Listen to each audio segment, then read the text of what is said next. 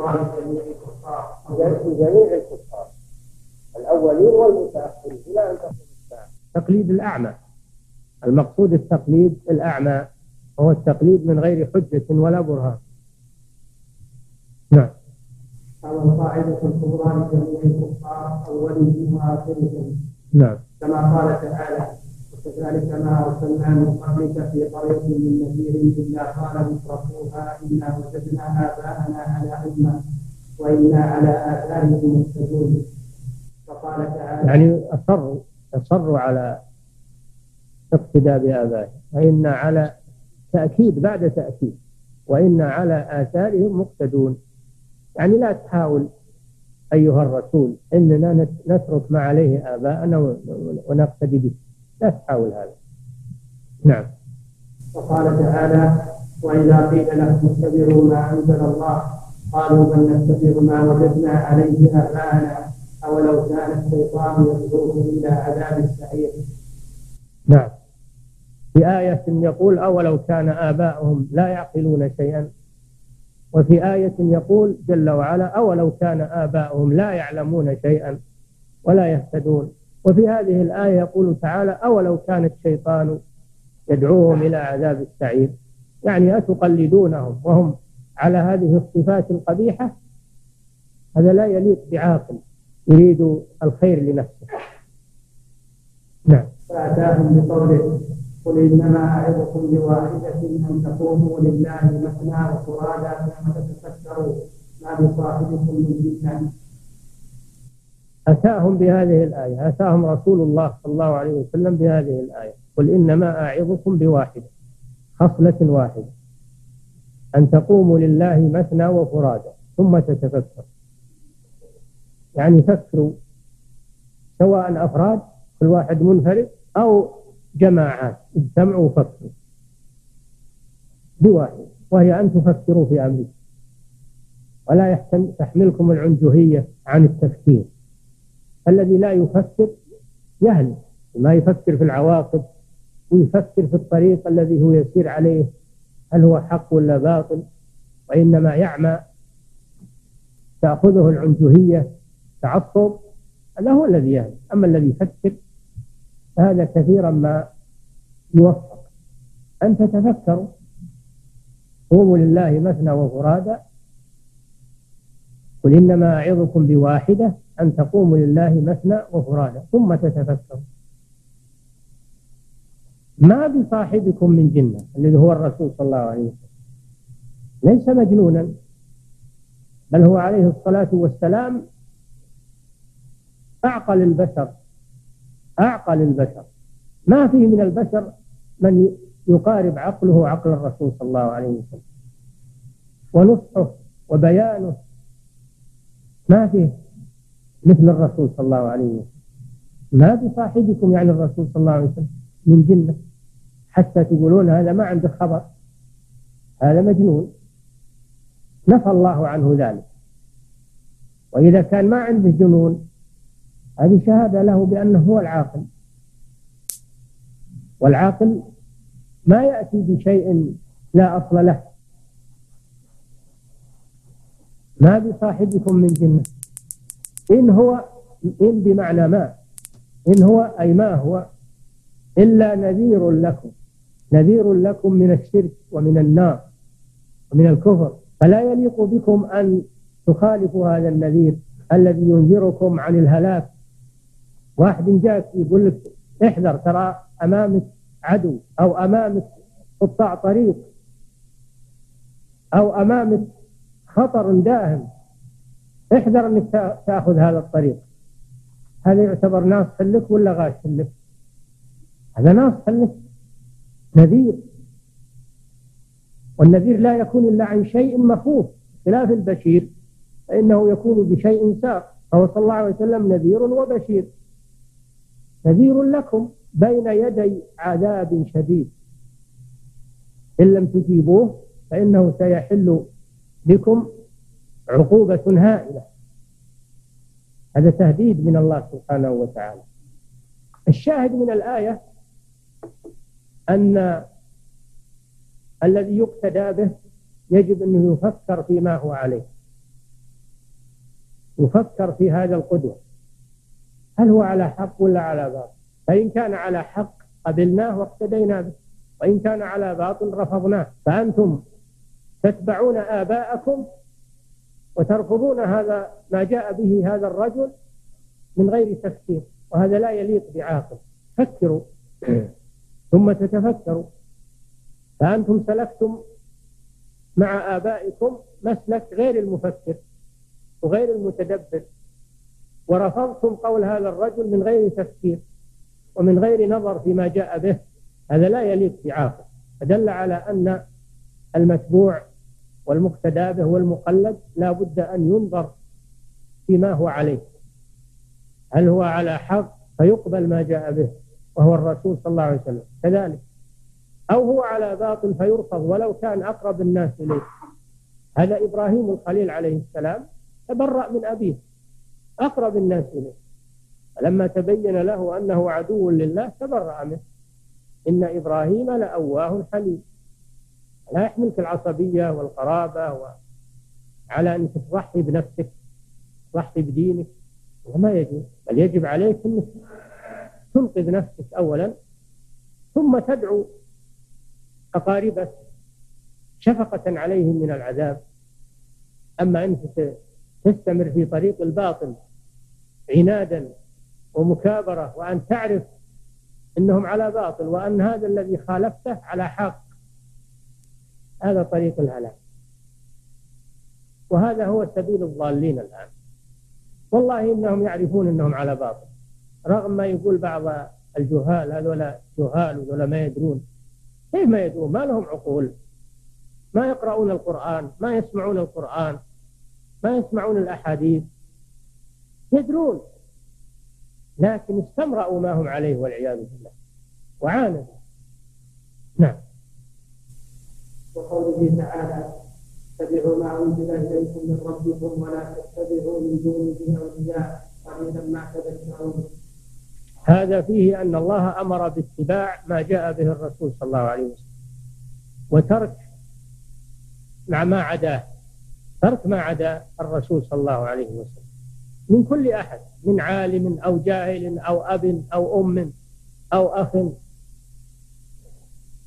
رفض ما عليه الناس ولو كانوا أقرب إليك من غيرهم. إذا كانوا يتعارضون مع ما أنزل إليك من الله سبحانه وتعالى. اتبعوا ما أنزل إليكم من ربكم ولا تتبعوا من دونه أولياء. هذا رد على أهل الجاهلية. ورد على المشركين إلى أن تقوم الساعة. أن الواجب اتباع ما جاء به الرسول في كل زمان ومكان. ورفض ما خالف ما جاء به الرسول صلى الله عليه وسلم. في كل زمان ومكان. فهذا رد على قولهم إنا وجدنا آباءنا كذا وكذا وإنا متمسكون بما هم عليه. هذا رد. حتى الرجل الفاضل والعالم إذا خالف قوله قول الرسول إنه يترك قول إلى قول الرسول صلى الله عليه وسلم. وإن كان من أفضل الناس. هذا أبو بكر وعمر رضي الله تعالى عنهما أفضل الأمة. ولكن لما كانا يقولان بعدم جواز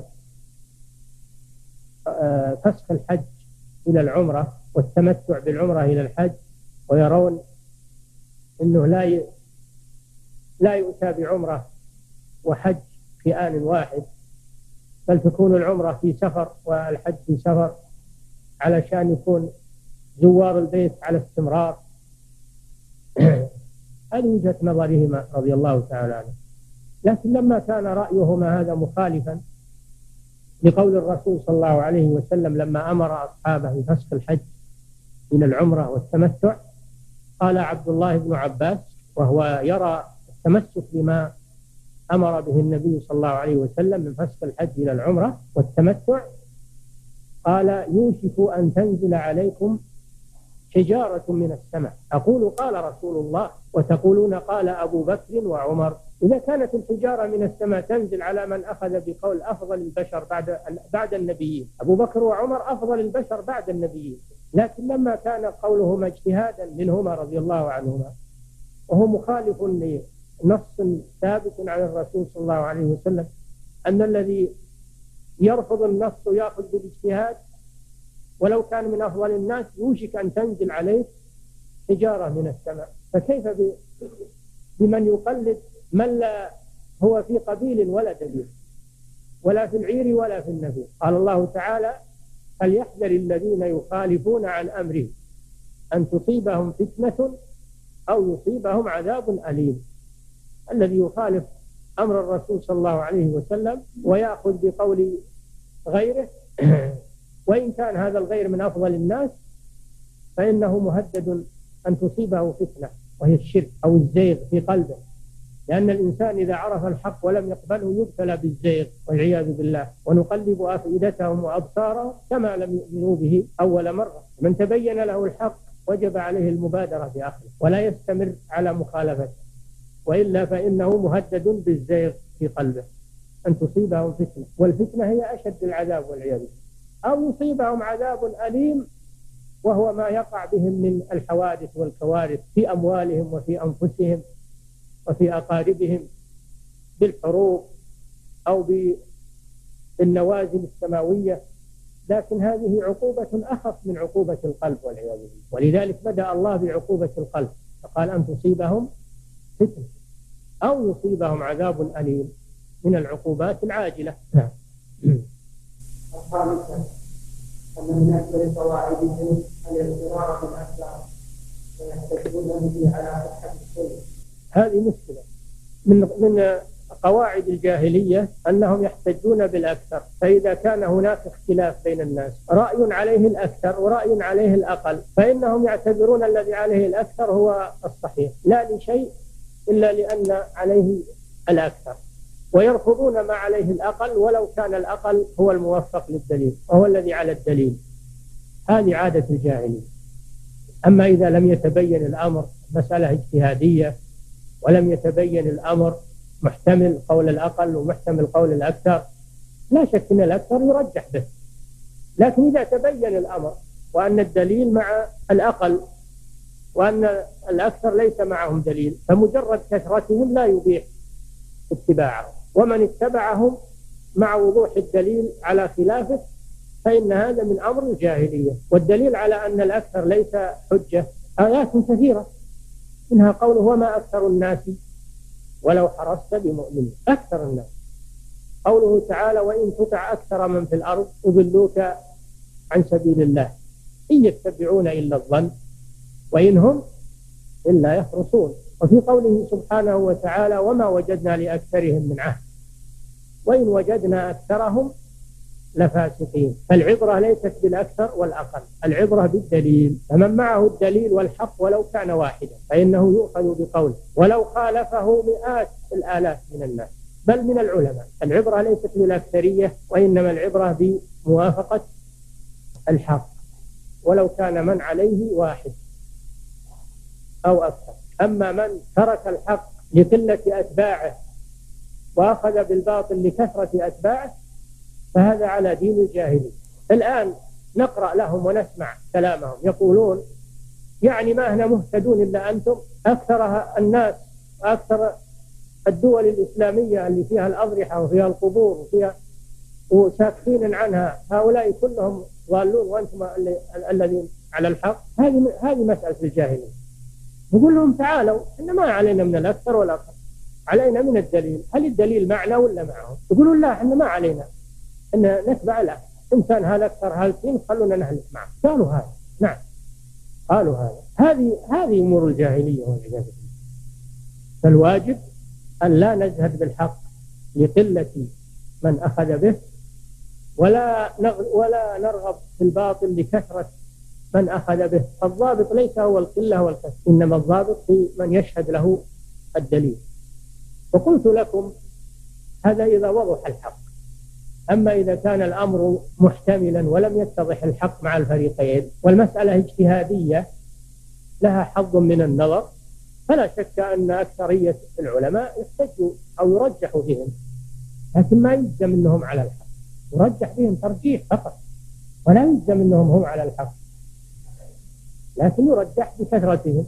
يقال ولهذا يقول الفقهاء هذا عليه أكثر أهل العلم هذا عليه الجمهور. هذا حينما يخفى الدليل ولا يتضح مع مع أي. فيقال الجمهور ويقال عليه الأكثر أو أكثر العلماء ما دام الأمر لم يتضح جليا وإنما هو محل اجتهاد. نعم.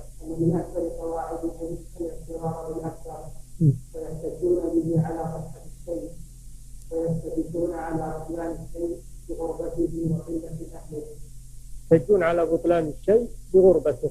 يقول هذا قول غريب أو بعضهم يقال ويقول هذا دين جديد. مع أنه هو الحق. وهو الذي عليه الدليل يقول هذا دين جديد. ولا هذا قول غريب. هذا من كلام أهل الجاهلية. هذا كلام أهل الجاهلية. الواجب قبول الحق. ولو كان غريبا. النبي صلى الله عليه وسلم يقول بدأ الإسلام غريبا. وسيعود غريبا.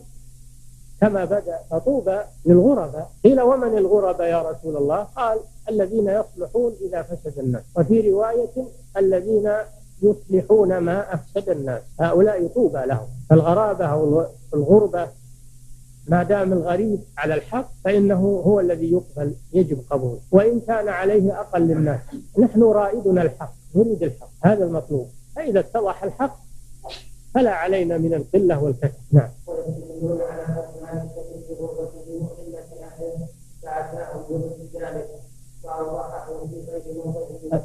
أتاهم الرسول صلى الله عليه وسلم بضد ذلك وهو أن الواجب قبول الحق ولو كان من عليه قلة لأن الكثرة في الغالب تكون لها الضلال.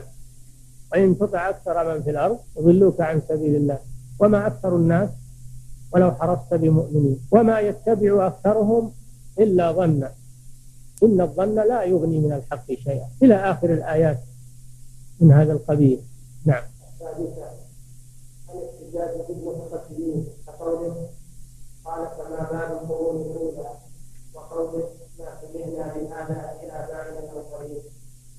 هذه تشبه المسألة الرابعة لكن هذه اتباع واقتداء وهذه احتجاج. هذه احتجاج.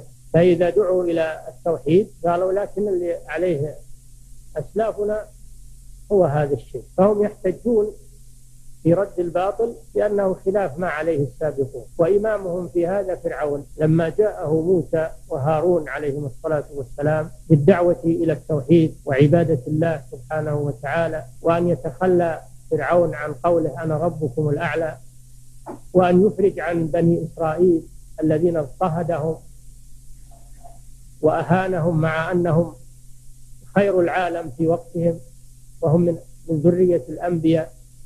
لما طالبوه بهذا ما كان له حجة إلا أن قال ما بال القرون الأولى؟ احتجاج بما كانت عليه الأمم السابقة قبل. يقول ما لماذا أشركوا؟ ما دام أن الشرك ما هو جايز لماذا القرون الأولى أشركوا؟ هذه حجته. يحتج بما عليه القرون الأولى. قال فما بال القرون الأولى التي هي على الكفر وعلى الشرك؟ فكيف تطالبونني بشيء عليه الأمم السابقة؟ تطالبونني بتركه. فما بال القرون الأولى؟ قال موسى عليه السلام علمها عند ربي في كتاب. يعني هل تظن أن الله مهمل القرون الأولى؟ وأنه تاركهم ولا بين لهم ولا دعاهم إلى الحق؟ هل تظن يا فرعون أن الله تركهم وإنما خصك أنت فقط بالدعوة إلى الحق. قال علمها عند ربي. في كتاب لا يضل ربي ولا ينسى. وهو اللوح المحفوظ. ما ترك الله من شيء إلا وهو مكتوب في اللوح المحفوظ. الشاهد من الآية الاحتجاج بما عليه السابقون. يعتبر هذا حجة يقابل به ما جاءت به الرسل عليهم الصلاة والسلام. نعم.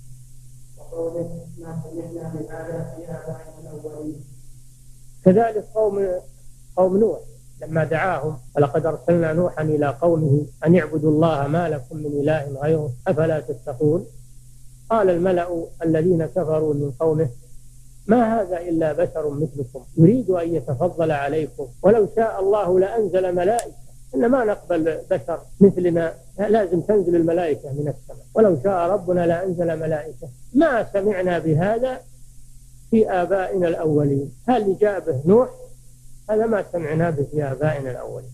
فهو مخالف لما عليه آباؤنا الأولين. احتجوا بما عليه آباؤهم نوح يحتج عليهم بالوحي وهم يحتجون بما عليه آباؤهم. ما أشبه الليلة بالبارحة. أهل الضلال الآن يحتجون بما عليه الناس. إذا نهوا عن ما هم عليه من الباطل عليه الناس. إقامة الموالد هذه عليها الناس وقال به فلان وقال به علان وقال به الكتاب الفلاني ويعدد عليك مئات الكتب وأنت تقول له سنة الرسول صلى الله عليه وسلم. هل فيها إحياء المولد؟ تقول له كذا. هل في سنة الرسول صلى الله عليه وسلم إحياء المولد؟ من قوله أو فعله أو تقريره. هل في سنة الخلفاء الراشدين والقرون المفضلة إحياء المولد؟ يعرض عن هذا كله. يقول هذا في الكتاب الفلاني وقال به فلان وقال به فلان وعلان. هذه حجة هذه حجة هذه حجة قوم نوح. ما سمعنا بهذا في آبائنا الأولين. وهي حجة عاد لما دعاهم ثمود. قالوا أجئتنا لنعبد الله وحده ونذر ما كان يعبد آباؤنا. وكذلك قوم صالح لما دعاهم إلى الله وأمرهم بالتوحيد أيضا قابلوه بمثل ذلك. فقالوا آه أن نعبد أجئتنا لنعبد الله وحده. هذا كلام ثمود. أجئتنا لنعبد الله وحده ونذر ما كان عليه آباؤنا. وكذلك قريش قالوا للنبي صلى الله عليه وسلم لما دعاهم إلى التوحيد قالوا ما سمعنا بهذا في الملة الآخرة. هذا التوحيد اللي تدعو إليه ما سمعنا به في الملة الآخرة يعني آخر الملل التي سبقت وهي النصرانية هي آخر الملل بالنسبة للأديان السابقة قبل بعثة محمد صلى الله عليه وسلم. وليس فيها الدعوة إلى التوحيد لأنها حرفت لأنها حرفت وبدلت وغيرت. ما هي بشريعة عيسى السلام وإنما هي شريعة مغيرة ومحرفة ومبدلة.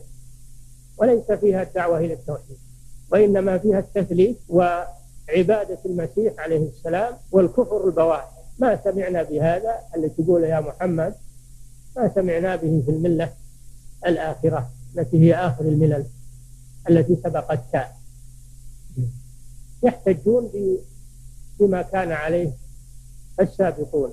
هذا يجيهم بالوحي وهم يأتونه بما عليه الكفرة والمشركون. هذه قاعدة مضطربة جاهلية.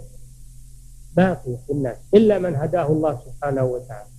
الاحتجاج بما عليه من سبق. ما يقول أنا عندي حديث أو عندي آية لأنه ما يملك هذا ما عنده شيء. إلا يقول هذا الذي عليه الناس والذين سبقوا. هذه حجة تقابل بها نصوص الوحي. أيليق أن يكلم رسول رسول الله صلى الله عليه وسلم بمثل هذا؟ نعم. هذا يقوله الناس اليوم المبتلون بالبدع والخرافات يقولون ما عندهم حجة إلا أن هذا عليه ما فلان وفلان وعلان وعلان والكتاب الفلاني والكتاب الفلاني يعدد لك مئات الكتب. ولا يجيب لك أحاديث موضوعة مكذوبة ويصححها ويقول هذه أصح مما في البخاري. لأنها توافق هواه. يزينها أحاديث وهي ما هي أحاديث كذب على الرسول صلى الله عليه وسلم. ويبحث في كتب الموضوعات والسواقط يطلعها ويقول هذه أحاديث. عن الرسول صلى الله عليه وسلم. ويألفها ويجعلها كتاب ويخرجها. زعم المنارة في تخريج أحاديث الزيارة. كتاب طبع الآن كله من هذا النوع. أحاديث مكذوبة أحاديث ضعيفة واهية طلعها وخلاها أصح مما في البخاري في الزيارة الشركية. هي الزيارة المشروعة الزيارة الشركية. والاستنجاد بالرسول والاستغاثة بالرسول صلى الله عليه وسلم. هذا دين الجاهلية والعياذ بالله. نعم.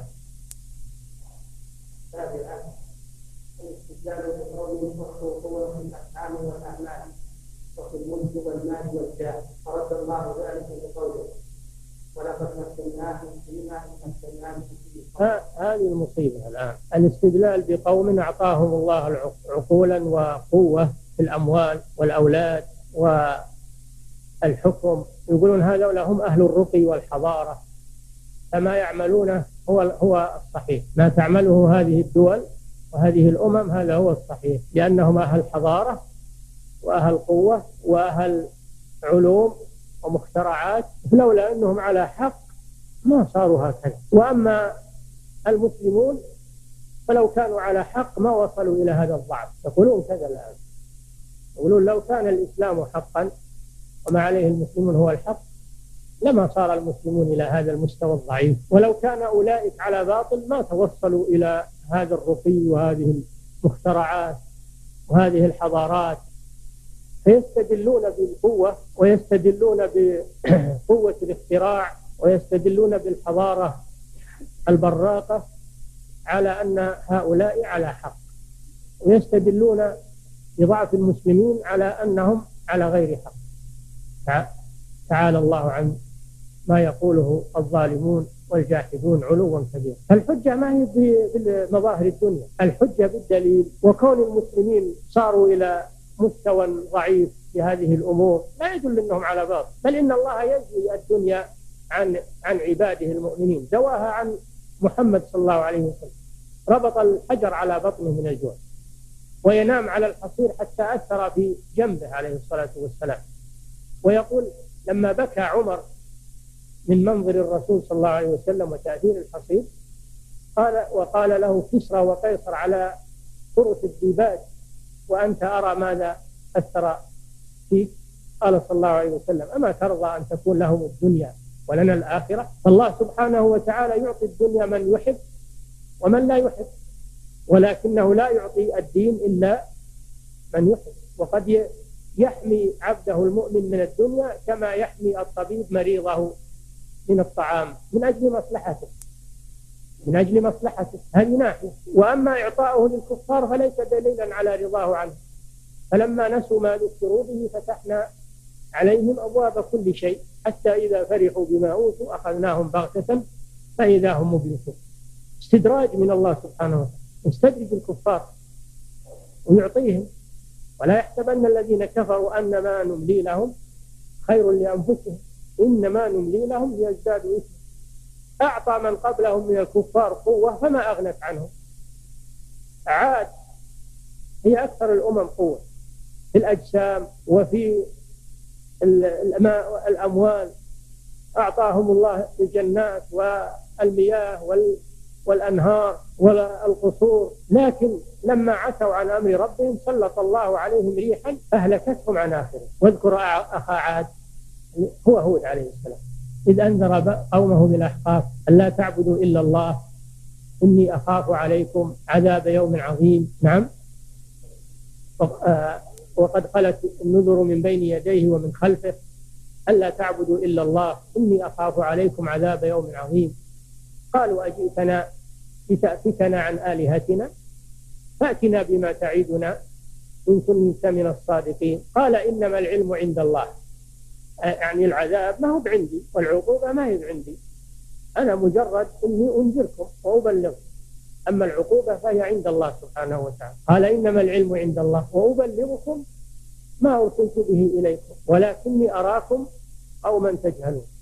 فلما عاندوا أرسل الله عليهم الريح. فلما رأوه عارضا مستقبل أوديتهم عارض الريح أقبل عليهم ظنوا أنه سحاب. لا يزالون سادرين في غيهم وضلالهم. ما يتوقعون عقوبة ولا يخافون من الله سبحانه وتعالى. أقبل عليهم العذاب وهم يقولون هذا سحاب. فلما رأوه عارضا مستقبل أوديتهم قالوا هذا عارض ممطر. ما عندهم تفكير في العذاب. بل هو ما استعجلتم به. أما كنتم تقولون لهود عليه السلام ائتنا بما بما تعيدنا ريح فيها عذاب أليم. تدمر كل شيء بأمر ربها وفي الآية الأخرى ما تذر من شيء أتت عليه إلا جعلته كالرميم. وفي آية أخرى تنزع الناس كأنهم أعجاز نخل منقعد. تنزعهم في الجو. الجماعات من الناس تنزعهم في الجو ثم تنكسهم على رؤوسهم. تلقيهم على الأرض فيصبحون كالنخيل المقطوعة. كأعجاز نخل خاوية وين قوتهم؟ تدمر كل شيء بأمر ربها فأصبحوا لا يرى إلا مساكنه. راحوا عن آخره. أمة جبارة قاهرة راحوا عن آخره. لا يرى إلا مساكنه. كذلك نجزي القوم الظالمين. قال الله تعالى ولقد مكناهم. نفعهم التمكين هذا؟ ما نفعهم. ولقد مكناهم. أعطاهم الله قوة ومكنهم في الأرض وأعطاهم أموال وأولاد. وزروع وبساتين وعيون وأنهار. إرم ذات العماد التي لم يخلق مثلها في البلاد. هذه بلدهم إرم. ما مثلها في يقول الله جل وعلا لم يخلق مثلها في البلاد. وين راحت لا يرى إلا مساكنهم كذلك نجزي القوم المجرمين. ولقد مكناهم. ما نفعهم التمكين. ولقد مكناهم في ماء إن نافية هذه. إن مكناكم فيها يا معشر قريش. يعني في شيء ما مكناكم فيه. أنتم أضعف منهم. فإذا قدرنا على من هو أقوى منكم فلأن نقدر عليكم من باب أولى. ولقد مكناهم في ماء. أي, أي في ماء لم نمكنكم فيه. بل هم يزيدون عليكم في القوة. حتى في الأجسام. أعطاهم الله أجساما كبيرة. قوية. وزادكم بسطة في الخلق. في ماء مكناكم فيه. نعم؟ ولقد مكناكم مكناهم في ماء مكناكم فيه وجعلنا لهم سمعا وأبصارا وأفئدة فما أغنى عنهم سمعهم ولا أبصارهم ولا أفئدتهم من شيء السبب في ماذا؟ إذ كانوا يجحدون بآيات الله وحاق بهم ما كانوا يكسبون فدل على أن الحضارة والثروة والصناعات والمخترعات والقوات ما داموا على الكفر لا تغني عنهم شيئا وأنهم في قبضة الله وأن الله قادر على أن يدمرهم عن آخره ما في أقوى في وقتنا من الاتحاد السوفيتي كما تعلمون. إلى عهد قريب يهدد العالم وبين عشية وضحاها ذاب كما يذوب الملك في الماء. أذابه الله سبحانه وتعالى وأصبح ذليلا يستجدي الآن من الدول. قبله ألمانيا هتلر كان يهدد العالم بل إنه شرع في تدمير العالم ويريد الاستيلاء على الأرض كلها. أهلكه الله سبحانه وتعالى. وأصبحت بلاده مستعمرة للدولتين الدول الغربية الحلفاء والروس. صارت مقسمة بلاد ألمانيا التي كانت في يوم من الأيام تهدد العالم. ما نفعهم قوتهم ولا قدرتهم ولا أليس وجود القوة بيد الناس دليل على أنهم على حق؟ بل هذا استدراج من الله. وليس الفقر دليل على أن الفقراء ليسوا على حق.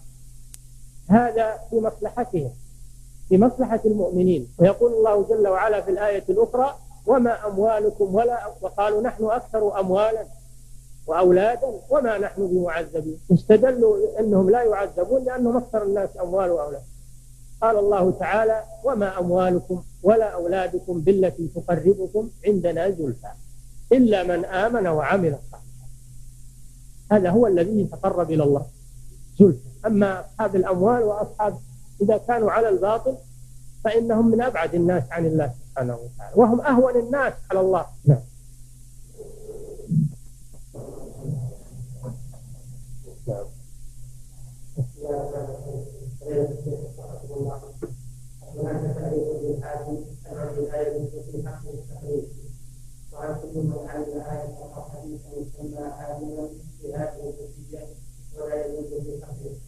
العلماء على قسمين. علماء عندهم تمكن من الاجتهاد المطلق مثل الإمام أحمد والأئمة الأربعة شيخ الإسلام بن تيمية وغيره من الأئمة الذين عندهم تمكن من الاجتهاد المطلق استنباط الأحكام من الكتاب والسنة.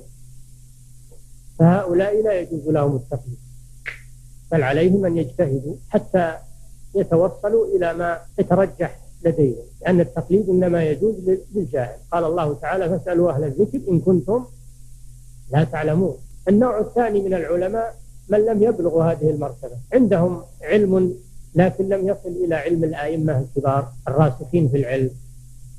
لكن عندهم قواعد علمية يستطيعون معرفة الراجح من المرجوح من أقوال العلماء. هؤلاء لا يجتهدون استنباط أحكام لأنهم لم يصلوا إلى هذه المرتبة.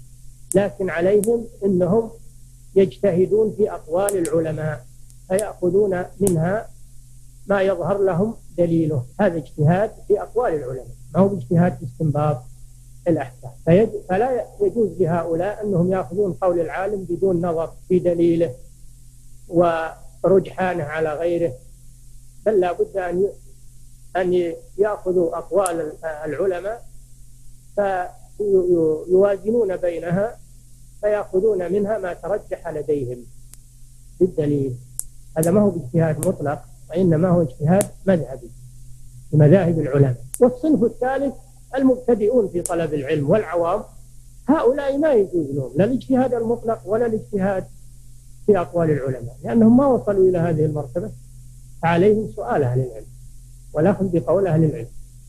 لئلا يضيعوا. نعم.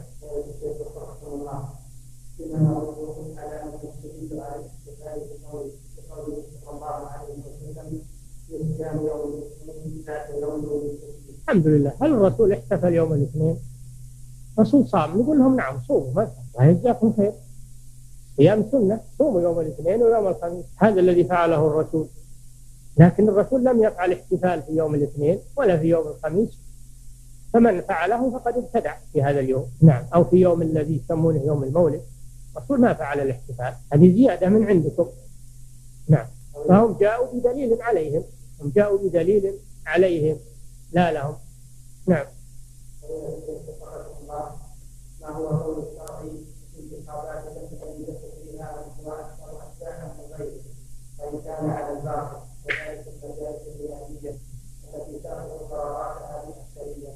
هل يجوز في هذه وهذه المجالس؟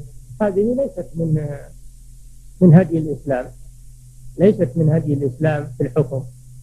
هدي الإسلام بالحكم أن أهل الحل والعقد يختارون إماما لهم كما اختاروا أبا بكر رضي الله تعالى عنه. أو إن الإمام ال الذي نصب يختار من بعده ولي عهد يكون من بعده كما اختار أبو بكر عمر رضي الله تعالى عنه. أو الإمام يعهد إلى ناس معينين من أهل الشورى من أهل الرأي والعلم أن ويكونون عدد قليل لكن نخبة فيختارون الإمام. فإذا اختاروه وجب على الأمة طاعته كما عهد عمر إلى إلى الستة من أهل الشورى الباقين من العشرة المبشرين بالجنة. فاختاروا عثمان رضي الله عنه فلزم الناس طاعته. هذا هو هدي الإسلام.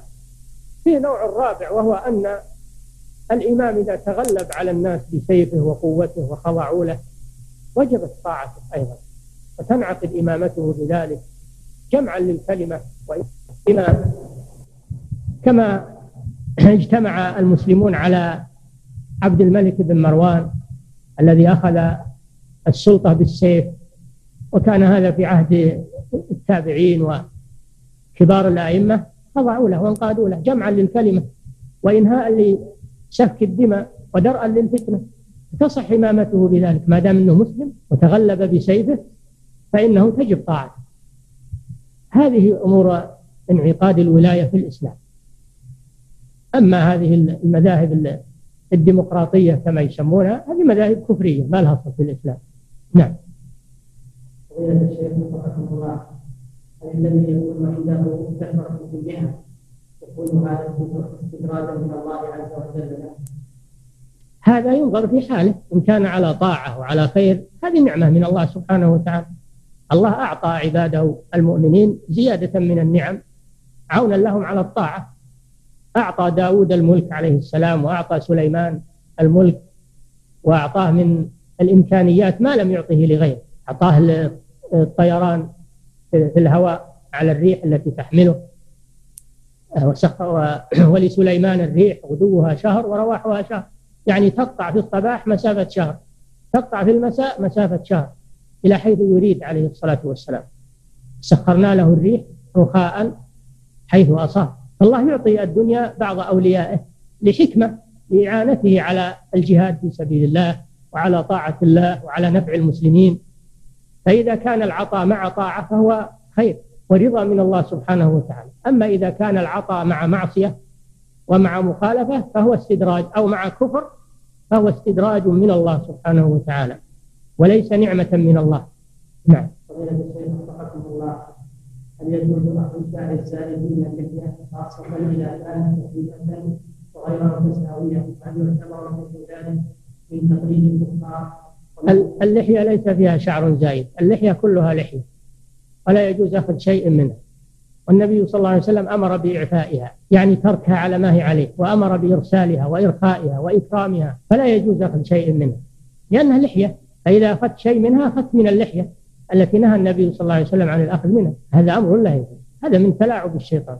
وإذا تدرب الإنسان على قص اللحية تدرب على حلقها. شيء فشيء. الأول يقصه شيء يسير ثم يقص نصفه ثم يقصه إلى الجذع ثم بعد ذلك يقول الله الجذوع هذه ابن شتم. هم يحلق حلق. فخطوات الشيطان مع ابن آدم. فلا يجوز. اللحية ولله الحمد. جمال للرجال وليست ثقيلة ولا فيها كلفة وإنما هي جمال. لكن الظاهر أن هؤلاء ليسوا رجالا. صورهم صور رجال لكنهم ليسوا رجالا فلذلك شالوا اللحية لأنهم ليسوا رجالا ولا تصلح اللحية عليهم.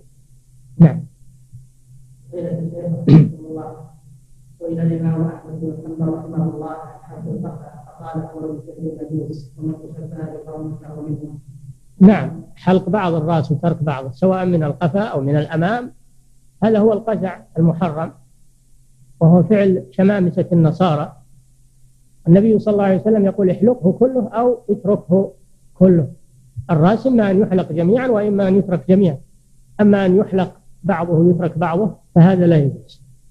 نعم.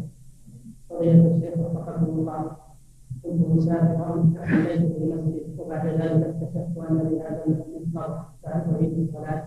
نعم إذا تبين لك إن المسجد مقام على قبر فإنك تعيد الصلاة لأنها صلاة غير صحيحة. نعم. فضيلة الشيخ وفقكم الله كيف نرد على من يحتفل بالموالد التي التي يقيمها عباد القبور باحتفال أهل هذه البلاد كامل يسمونه الشيخ محمد بن عبد الوهاب. ما احتفلوا ما احتفلوا بأسبوع سموه أسبوع الشيخ بن عبد الوهاب وإنما عقدوا ندوة يذكرون فيها كيفية دعوة الشيخ والأصول التي بنى عليها دعوته وكيف نجحت دعوته لأجل تذكير الناس بها وبيان الرد على من يتهم الشيخ أو يرد على دعوة الشيخ. فهم أرادوا بيان حقيقتها للناس. هذا هو المقصود. ما هو باحتفال؟ وإنما هو بيان وإظهار لدعوة الشيخ وكيف قامت وما هي الأصول التي قامت عليها وما أهدافها وما ثمراتها التي التي ترتبت عليها. هذا من أجل البيان للناس. ليس هو احتفال. الاحتفال ما يتكرر. هل تكررت كل سنة؟ احتفال والعيد هو ما يتكرر كل سنة أو كل يوم أو كل أسبوع. هذا ما تكرر حتى يسمى عيد أو يسمى احتفال. وإنما هو بيان للناس طبعوا مؤلفات ووزعوها وكتبت محاضرات وبحوث عن دعوة الشيخ وقرأت على الناس وبينت. هذا من أجل البيان. نعم. الشيخ انتشر في هذا العصر حساسية بعض الشباب حول بعض الأشياء التي يحدث البيوت والمساجد والفروج وكلما رأى شيئا قالوا هذا صحيح فأصبح لديهم حساسية ضد الصريح ووسوسة فيه فيبينون الشك بطريقتهم حتى يجعلونه صليبا السؤال ما هو الصليب المحرم شرعا؟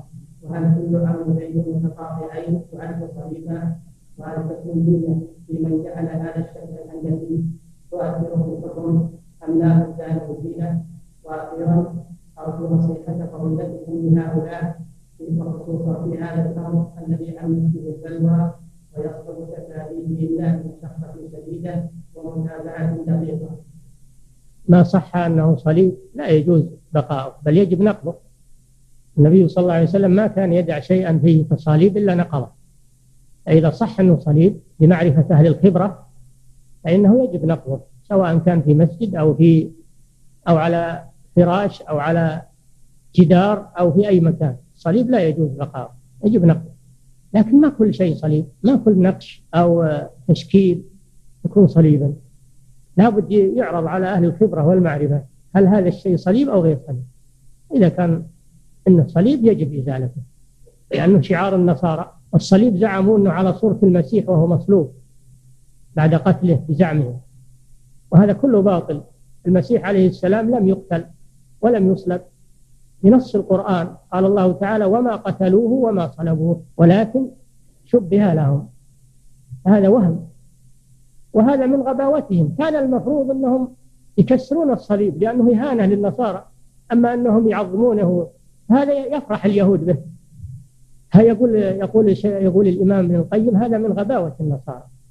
كان الواجب عليهم أنهم كل صليب على وجه الأرض يحطمونه لأن هذا يفرح اليهود عليهم. يقولون انتصرنا عليهم وقتلنا نبيهم وصلبناه. فهم يحيون هذه الذكرى كل في كل مكان.